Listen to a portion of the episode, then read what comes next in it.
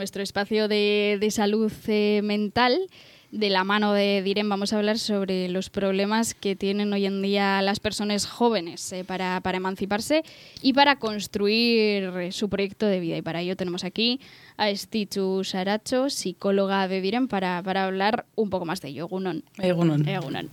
Empezamos hablando un poco, pues si te parece, de qué es esto de la emancipación. ¿Es un proceso? ¿Cuándo empieza? ¿Cómo empieza? Cuéntanos un poco.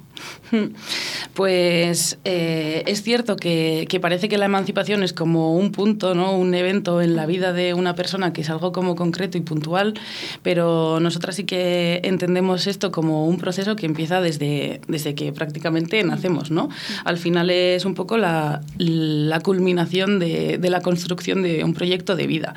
Entonces, eh, a nosotras también, en, bueno, en las intervenciones que hacemos con adolescentes, los talleres que damos, y que nos gusta explicar este proceso como, como en forma de espiral. ¿no? Tiene ahí un poco la base en la espiral dialéctica de Pichon Rivière. Uh -huh. Y y sí que entendemos que el proceso de crecimiento no es algo lineal, no crecemos eh, como crece nuestro cuerpo, así poco a poco y, y de forma bueno, que progresiva el cuerpo para también, arriba. Yo me acuerdo en la adolescencia, a veces me crecía, me veía la nariz Exactamente. gigante, luego una por otro lado.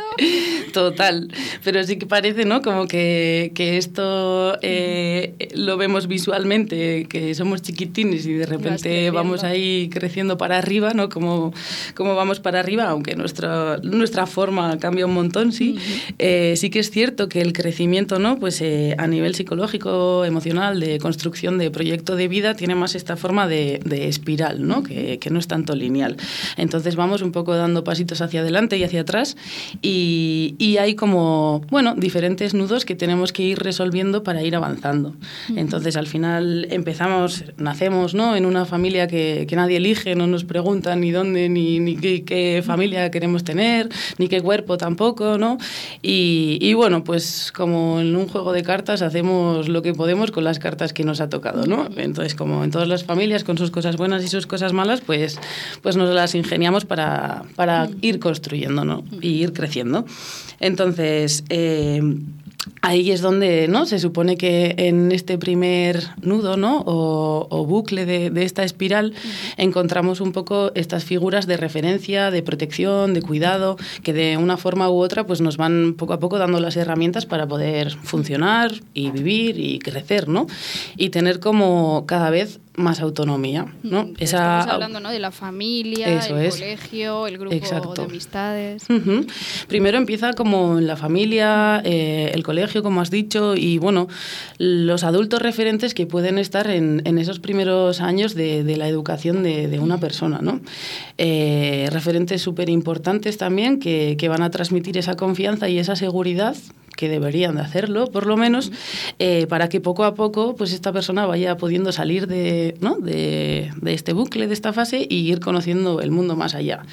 Entonces ahí poco a poco es donde se va encontrando con otras personas que son iguales pero diferentes y, y en ese encuentro con el mundo, con otras eh, personas de, de, su edad, de su momento evolutivo también, eh, pues va a ir eligiendo y dándose cuenta también de que esa incondicionalidad que teníamos en casa de chiquis pues fuera las cosas no funcionan igual, ¿no? Y que ahí te lo tienes que currar y que, que hay conflictos, ¿no? Que, que, igual que en casa eh, con mi ama puedo discutir y al día siguiente sé que va a seguir siendo mi ama, pues igual si en la castola discuto con mi amiga, pues al día siguiente si quiero que siga siendo mi amiga me lo tengo que currar, ¿no? Uh -huh. Entonces, bueno, ahí vas dando pequeños pasos de, de aprendizaje y de autoconocimiento también, porque encontrando otras personas que son iguales pero diferentes, como decimos, es donde eliges lo que te gusta, lo que no te gusta, ¿no? el tipo de, de relaciones que quieres construir y vas resolviendo los, los, conflictos del día a día, de las relaciones, la comunicación. Y entiendo y, que también de alguna manera se pone en cuestión igual lo aprendido en esa base uh -huh. de la familia. ¿no? Exacto. También de esa Exactamente. Ahí es donde vamos conociendo otros mundos diferentes a, al que nos hemos criado. ¿no? Uh -huh. Ahí es donde entonces empezamos a tomar elecciones y ahí es donde empezamos también como a ir gestionando un poco esa libertad, ¿no? Esa libertad que en el mundo de fuera tengo para poder elegir conlleva también una responsabilidad, ¿no? Entonces vamos como intentando encontrar el equilibrio entre, entre estas dos cosas. Y aquí es donde es como, ¿no? Una carrera de fondo que es en esta parte donde nos preparamos para luego lo que vamos a tener que decidir y construir en la vida adulta, ¿no? Entonces, ahí, eh, por eso es tan importante esta etapa de la adolescencia, porque ahí es donde vamos poco a poco construyendo nuestra identidad y, y definiéndonos, ¿no? ahí se empiezan a tomar decisiones que luego no vamos a ir eh, bueno pues dándoles forma o, cuerpo no nunca mejor dicho. por ejemplo no en los estudios la decisión de si sigues por ciencias por letras por tal. Claro y esas pequeñas decisiones que en el momento eh, bueno igual desde la perspectiva adulta parecen pequeñas pero en el momento son muy importantes son las que nos van enseñando nos dan la oportunidad de ir como practicando, ¿no? Para, para luego ir viendo cómo yo decido algo y tengo que tomar, ¿no? Como esa responsabilidad de continuar con mis decisiones o ver las consecuencias que tiene, confundirme, esto es muy importante también, poder confundirme, rectificar y, y ver que, que, eso es parte del proceso de aprendizaje, ¿no? Que a veces, luego lo hablaremos, ¿no? Pero a veces tenemos como en el momento actual como esa presión social de hacerlo todo perfecto, ¿no? Del éxito eh, caracterizado y no se habla nada del fracaso. Luego igual lo comentamos más a fondo, pero que también entraría en juego aquí. Eso es, totalmente, porque parece que, que también, eh, ¿no? Un poco los valores de esta sociedad son o nos priman mucho el conseguir, como tú dices, el éxito, las metas y además el éxito ya tiene como una forma bastante definida, ¿no? ¿Qué es, qué es tener éxito en la vida o ser un adulto o una adulta de, de éxito, ¿no? Entonces, eh, ahí parece que ese camino que tenemos que recorrer está bastante marcado y bastante definido. Entonces nos encontramos con que igual no a todo el mundo le sirve ese camino, ¿no? No para todo el mundo tiene la misma forma ni, ni va a tener el mismo recorrido y ir construyendo eso, pues, pues cuesta y, eso, y está lleno de fracasos, de decepciones, de frustración y que son elementos muy importantes para luego realmente que, que, lleguemos a donde queremos llegar y no a donde quieren que lleguemos, ¿no? Entonces ahí entra también, pues eso, la construcción de la identidad, la sexualidad, o sea, un poco todo lo relacional también.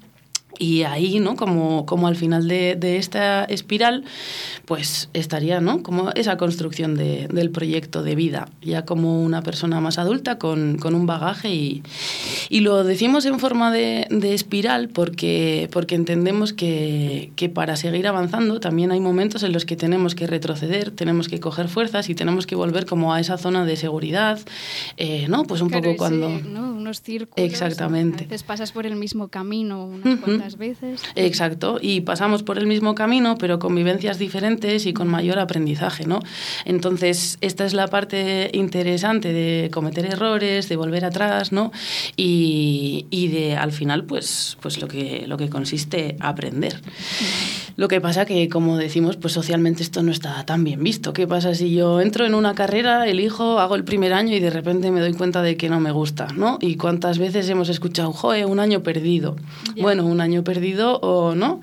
Has conocido muchísimo más lo que te gusta, lo que no te gusta y estás tomando una decisión mucho más en consecuencia a lo que tú eres y a lo que quieres ser. ¿no? ¿Cuántas personas al final de la carrera dicen, oh Dios, esto no es lo que yo quería, a dónde voy? ¿no? Y entonces empezamos ahí a, a tener otro tipo de crisis. Y cuánta gente también, ¿no? A esa edad, 17, 18 años, cuando se hace la selectividad, por ejemplo, sienten tantísima presión con la nota, con entrar en la carrera que habían pensado, que luego en el fondo no sabes en la carrera que te has metido hasta que comienzas, porque esto se lo escucha a todo el mundo, ¿no? Que dices, apoyo, pensaba que era otra cosa. y total. Esos aprendizajes que se hacen, sí, total. Y ahí entramos otra vez en la valoración de, o justamente en un momento tan importante en el que estás construyendo tu identidad, ¿no? Como tu autoconcepto, el hecho de que un número puedas sentirlo como tan definitorio también, ¿no? Pues las consecuencias que eso tiene, no solamente en ti, sino también en el contexto familiar. Entonces ahí vamos, ¿no? Un poco como, vale, quiero tomar decisiones yo sola, pero la, la opinión de la familia importa mucho, ¿no? Mm. También eh, el apoyo familiar de qué formas diferentes, ¿no? Lo percibimos a veces como un empujoncito y otras veces como, ¿no? Mm, igual puede ser una presión, una exigencia que, que también es difícil de llevar. Entonces, bueno, ahí hay estas pequeñas eh, y grandes batallas que tenemos que librar en este proceso, ¿no? Hasta poder llegar a, a poder decidir. ¿A cuánta gente le hemos escuchado, no? También, pues, o lo vivimos en nuestra época, la gente que somos más mayores de bachillerato, que se les, desde casa se les obligaba o se les presionaba para que eligieran unas carreras y no otras, ¿no? Siempre lo científico como más valorado por encima del resto, todas estas cosas. Ahí está. Y, y, al final estas son como, como las decisiones que vamos tomando etapa a etapa y, y, es normal también, ¿no? Y es interesante que entendamos esto como, como una espiral porque es cierto que cuando tenemos, ¿no? Vamos avanzando antes de un gran cambio y, y un poco, bueno, lo que llamamos los puntos de no retorno, ¿no? En, en este crecimiento siempre asusta, siempre da miedo y, y para poder coger fuerzas y ganar seguridad, ¿no? Sí que hacemos como este recorrido hacia atrás, ¿no? Por eso la forma de, de espiral. El recorrido hacia atrás, hacia atrás que nos permite eso, ganar confianza, tomar eh, igual estas personas de referencia como apoyo y, y bueno, y seguir avanzando. Entonces, en este proceso de, de emancipación también vemos, ¿no? Como que, que, hoy por hoy hay muchas dificultades para ciertos desprendimientos, ¿no? Para, para seguir avanzando. Y estas dificultades, bueno, pues están tanto en este proceso más psicológico, emocional, como en el contexto social en el que nos encontramos, ¿no? Entonces, un poco más primero mirando a lo que pasa en casa y a lo que pasa en la familia, sí que es cierto que, que hoy por hoy eh, el hecho de que tu hija, tu hijo ¿no? se vaya de casa también supone un montón de cosas, no solo para, para la persona que se está emancipando, sino también para el contexto familiar. Y muchos miedos y, y vemos también que, bueno, que hay una sobreprotección por parte de, ¿no? de, de, de algunas figuras eh, adultas o de referentes familiares que, que, desde ese miedo y desde esa preocupación pues a veces no, no dejamos que, que, vayan a, ganando autonomía y dando estos pasos. ¿no? Y además parece como un fenómeno muy de esta época, ¿no? porque uh -huh. igual si nos vamos hace 50 años, esas figuras paternas, maternas, sí, sí. lo que tenía que ver con la autonomía o el desarrollo de la autonomía quizá era más libre o no sé. Uh -huh no lo sé, habría que estudiarlo, pero que es muy fenómeno de, de nuestra época sí, también, sí. esa, a veces sobreprotección, ¿no? Uh -huh. Sí, muchas veces desde, joder, quiero que mis hijas puedan tener todo lo que yo no he tenido, ¿no? Que no les falte de nada y, y en todo esto también, pues al final acabamos como eh, robándoles la oportunidad de que desarrollen sus propias estrategias, ¿no? Eh, que más que darles la solución hay que compartir las herramientas, ¿no? Y que las herramientas, como tú dices, que valían en otra época, igual ahora ya no nos sirven y que, y que son las propias personas jóvenes las que ahora tienen que, que construir esas propias herramientas. Y la única manera es pues saliendo a la calle y, y equivocándonos constantemente, tropezándonos y tal. Entonces sí que es verdad que bueno, que ahí hay como un, unos duelos que hay que hacer tanto por parte de, de, de la persona joven que, que, se va de casa como de los, las familiares que, que, también tienen que despedirse y desprenderse. Y también pues vivimos en una sociedad en la que despedirse significa perder y perder pues no nos gusta nada. Entonces yeah. esa frustración y yeah. bueno, y que pase a bueno, a una parte más triste de, de, todo esto, pues, pues no es una emoción que, yeah, que nos no agrade, guste. pero es una emoción que necesitamos y que nos sirve mucho y que nos es muy útil para, para despedirnos y seguir avanzando. Y que a veces la despedida tiene forma de espiral también. ¿no? O sea, no es una despedida de ya me emancipo, no Exacto. necesito dinero, no voy a venir a comer los domingos Eso contigo, es. ¿no? Es progresiva también, ¿no? Y, Tal y cual. siempre hay retornos también. Uh -huh. Sí, y esta es la historia que, que también un poco como el contexto social no pone nada fácil, ¿no? Ni, ni conseguir un trabajo, ni tampoco eh, poder asumir lo que, lo que cuesta un alquiler, ¿no? O sea, hoy por hoy eh, el, la mitad del sueldo de, de, una persona joven con un trabajo precario se va directamente en, en, poder pagar un alquiler. Entonces, ¿cuánto de sostenible es esto?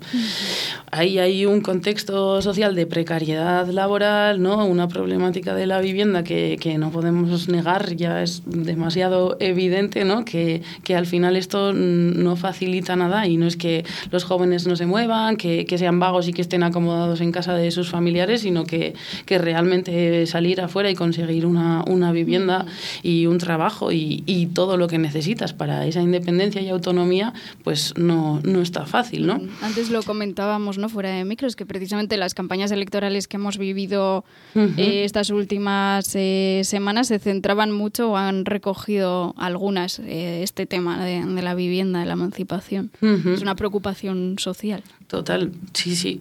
Y que, y que vemos aquí, ¿no? Como que, que más allá de una dificultad individual, ¿no? Y un malestar individual que puede ser tener que volver a casa de, de tu familia, eh, hay una raíz social en todo esto que, que salta a la vista y que, que no podemos negar, vamos. Uh -huh. Entonces, eh, sí que es cierto que no todo el mundo tiene las mismas condiciones tampoco para, para poder dar este, este salto a la emancipación y, y al igual que que, bueno, recogiendo un poco los datos de, de la gente joven eh, con la que trabajamos también, Hoy por hoy la edad media de emancipación está en unos 30,5 años. Uh -huh. Esto quiere decir que de media las personas jóvenes hasta los 30 años no consiguen eh, esa independencia y esa autonomía.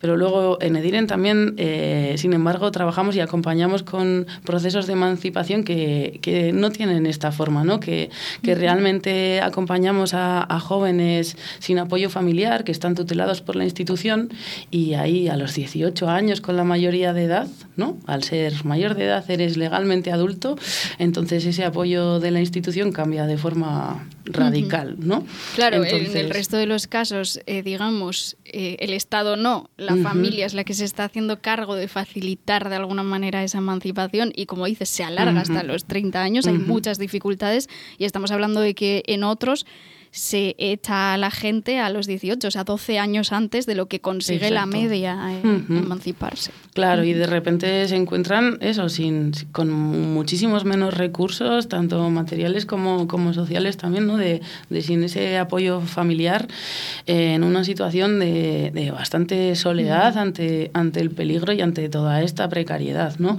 Entonces, sí que es cierto que lejos de celebrar los 18 años, hay muchas personas jóvenes que, que que viven esa fecha con mucho temor, ¿no? Entonces aquí vemos, ¿no? Una vez más estas contradicciones de, de la institución, de la sociedad y de, de cómo la, algunas cosas avanzan, pero no para todas igual, ¿no?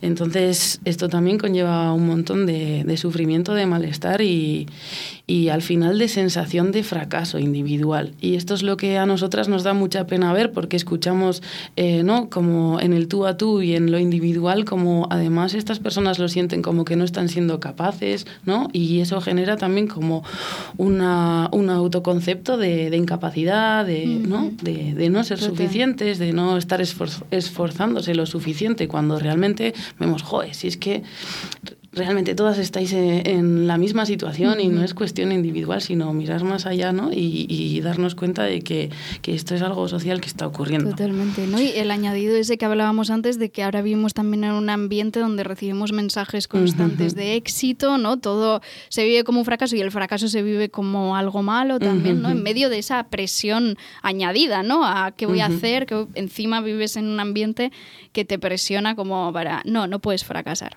Tal cual, sí, sí.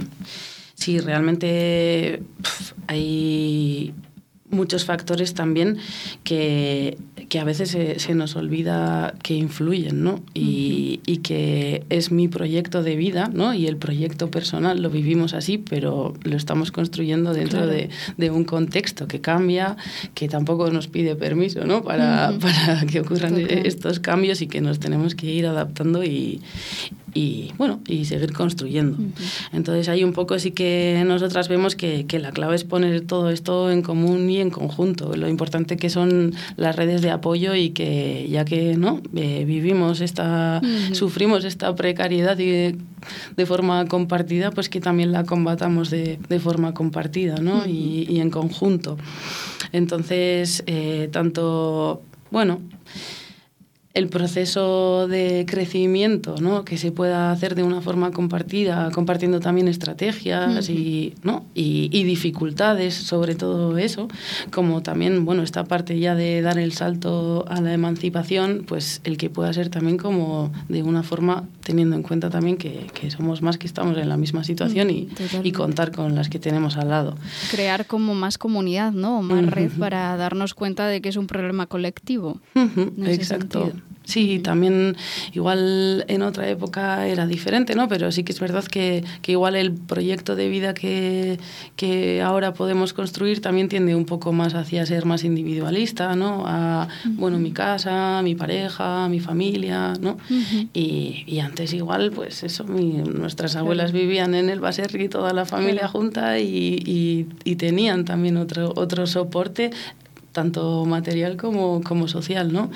Ahora cada uno está más como en su capsulita de, de vida y, y, ahí hay unas cosas que, pues eso, que perdemos también de, de todo este apoyo y, y de, del propio proceso. Desde la falta de ese tejido social también estaría influyendo ¿no? en la emancipación de alguna manera. Exacto, sí, sí. Luego también está un poco la, media vuelta, ¿no? Que, que ya vemos artículos eh, que, que, van un poco, no, no, me acuerdo muy bien cómo era el concepto, pero creo que era como co-living o algo así, que, que, básicamente era un poco un lavado de cara de compartir una vivienda en situaciones muy precarias, ¿no? Como, como Poniéndole un nombre Exacto. guay. Eso es. Entonces, ni una cosa ni la otra, ¿no? Como que es cierto que, que joe, para salir de esta precariedad esta, es necesaria esa red y es necesaria esta lectura más colectiva para uh -huh buscar soluciones en conjunto también, pero sin caer tampoco en, el, en ¿no? los derechos de la vivienda y, y, una vivienda y un trabajo digno que, por el que tenemos que luchar, ¿no? sin, sin embellecer tampoco esta precariedad.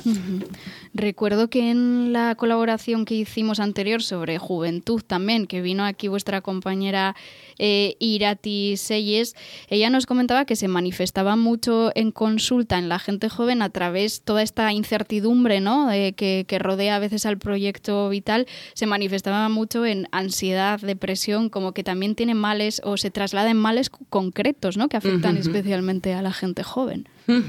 Sí, y total, eh, sobre todo eso, como porque lo vivimos como un fracaso personal, ¿no? O sea, como unas dificultades muy individuales y, y, al final es vivimos, ¿no? En una sociedad donde el rendimiento y la consecución de estas metas son básicamente el como el termómetro con el que nos medimos también, ¿no? O Nuestra sea, valía personal. Exactamente. Entonces ahí cuando, cuando no se llega a lo que se espera, ¿no? O a lo que esperan de mí, tanto en la familia como, como ¿no? una misma, con toda, uh -huh. con toda esta idea de lo que se supone que tenemos que conseguir, pues al final es fácil que, que hagamos esa lectura y lo vivamos como un fracaso personal. Uh -huh. Totalmente por eso también nuestro esfuerzo también y estamos ahí dando mucho el peñazo para conseguir hacer grupos, sacar ¿no? un poco estos grupos de apoyo donde, donde podamos poner en común todos estos malestares y compartir esas herramientas, ¿no? O sea, salir un poquillo de, de nuestra burbuja y nuestro propio bueno, malestar, sufrimiento, uh -huh. dificultad y, y, poder mirar más allá, levantar la cabeza y decir, joder, si estamos todas en la misma, ¿no? -huh, un poco... Totalmente. Y estáis intentando desde DIREN llevar esto también, ¿no? El grupo apoyo es algo como que tiene su recorrido, su historia, uh -huh. ha estado en distintos grupos. Estáis intentando llevarlo también un poco a la juventud eh, uh -huh. ahora. Exacto. Uh -huh. Sí, intentamos eh, desde diferentes ámbitos, igual como con sí, con perfiles de población uh -huh. diferentes, pero es cierto que sobre todo ¿no? Eh, el perfil que comentábamos, la, las personas que, que, peor están y que, y que igual más necesitarían estos grupos son uh -huh. las que también más dificultades tienen para poder acudir, para poder comprometerse, ¿no? Pues por lo que hablábamos de la precariedad laboral, los turnos cambiantes, un poco, ¿no? Uh -huh.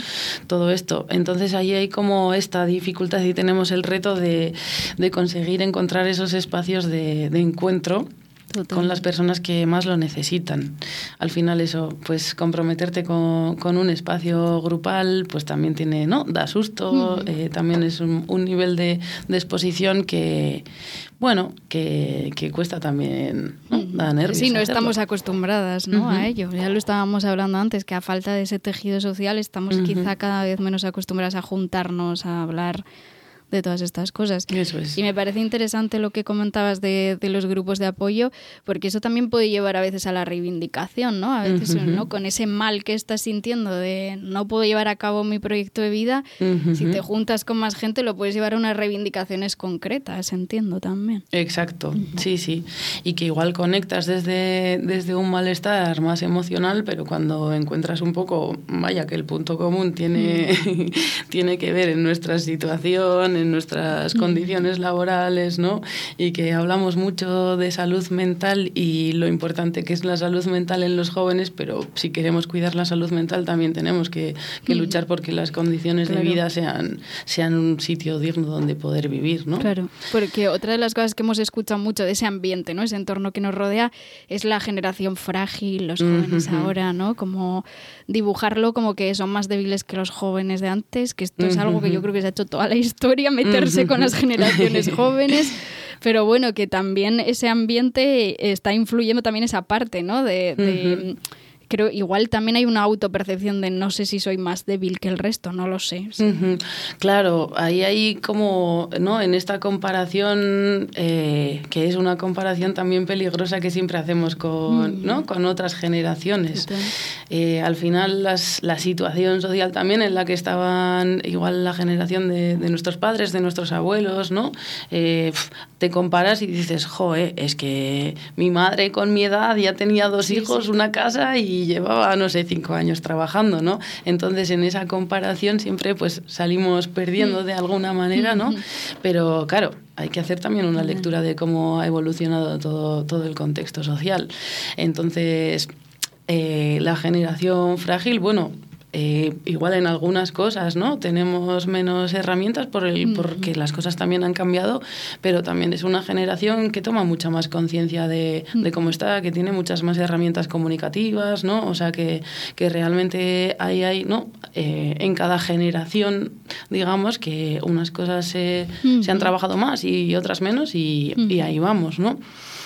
Entonces, sí, es importante también como poner en valor, eh, joe, todo lo que se lo están currando también los adolescentes de hoy, de poder seguir adelante y construir su propia identidad y, ¿no? y hacer todo este proyecto en un contexto en el que, joe, qué futuro nos sí, queda, sí, estamos sí, ahí, ¿no? Como a mí también eh, me llama la atención que, que incluso en las icastolas, ¿no? Que, que se ponen ya, ¿no? Con, con los eslóganes que son ciertos, ¿no? De, joder, eh, estamos agotando el mundo, ¿no? Uh -huh. Y dices, vale, esto desde, el, desde la Icastola estamos como con este mensaje, yeah. con este mensaje de hacia dónde vamos. Estamos... Sí, de un futuro es. eh, oscuro, nos claro. lo imaginamos todo el rato así. Es difícil eh, de alguna manera vivir el presente sin unas expectativas Exacto. positivas. Exacto, entonces ahí es importante también tener en cuenta que, que, que joe, los adolescentes de hoy están enfrentándose, o sea, tienen mucha fuerza, mucha fuerza para seguir adelante y seguir teniendo ganas de construir un futuro en el, en el cual pues tenemos ahí bastante oscuridad. Totalmente. Entonces, a, allá van. Y este es otro tema, pero yo creo que de ahí el humor que están teniendo las generaciones jóvenes también, uh -huh. ¿no? De tratar a veces con humor, con mucha ironía y mucho sarcasmo, ¿no? Ciertos, ciertas cosas cosas que, que, ocurren. Tal cual. Y yo creo que también eso es un signo de, ¿no? Siempre han dicho, el humor es un signo de inteligencia y de, de poder sobreponerte y encontrar también, ¿no? La, la parte graciosa de, de, tu situación, sin negarla, ¿no? Sin tampoco quedarnos en eso y poniendo medios para, para solucionar, bueno, el, la situación, pero, pero sí, total. Por eso también eh, nos parece que es muy importante el papel de los referentes en, en todo esto, ¿no? Que siempre decimos, ay, los jóvenes ahora mismo están fracasando o son más frágiles, pues igual es más interesante poner también el foco en, oye, que los jóvenes, que los adolescentes que ahora tenemos, ¿no? Los hemos criado los adultos ya, también qué de ahora, responsabilidad ¿no? hay Eso ahí es. también. Y, y, joe, y qué tipo de, de, de herramientas ¿no? estamos trabajando también y les estamos dando la oportunidad de aprender o no. Pues eso, como comentábamos antes, de, de esta sobreprotección o de dar, dar las cosas demasiado hechas también, ¿no? O sea, un poco como que ahora ya estamos en un mundo en el que prácticamente todo está inventado, ¿no? Entonces ahí también, desde, desde ahí, qué herramientas a la creación eh, estamos facilitando. Entonces a mí sí que me parece importante que, que cuando, cuando ha- hagamos esa lectura de, de la adolescencia, de la juventud, también echemos una mirada a estos referentes adultos y qué clase de adultos, ¿no? Referentes que, que podemos ofrecer para que a los adolescentes les den ganas de ser adultos realmente, ¿no? Totalmente. Y entender a veces también, eh, a veces nos cuesta, ¿no? Eh, somos, yo, para- bueno, no me voy a meter con toda la generación de jóvenes, pero yo soy una persona que le gusta echarle la culpa de lo que me pasa a mis padres. En plan, esto es porque mis padres, así, ¿no? Que yo creo que como está muy presente el discurso más psicológico en redes sociales, es algo que, que vemos también muy habitualmente entre la gente joven. Y también esa parte de entender de por qué nuestros padres actúan ahora como actúan, eh, en qué contexto, bajo qué contexto social también se, criaron ellos, ¿no? Y también qué cosas positivas a veces se pueden recoger de eso, porque igual nos centramos mucho en romper, en no es que antes no se comunicaban y ahora yo sí que me quiero comunicar. Bueno, que no ver también lo positivo o no que puede tener también el haberse criado en otro contexto o haber aprendido de otra manera las cosas, no sé.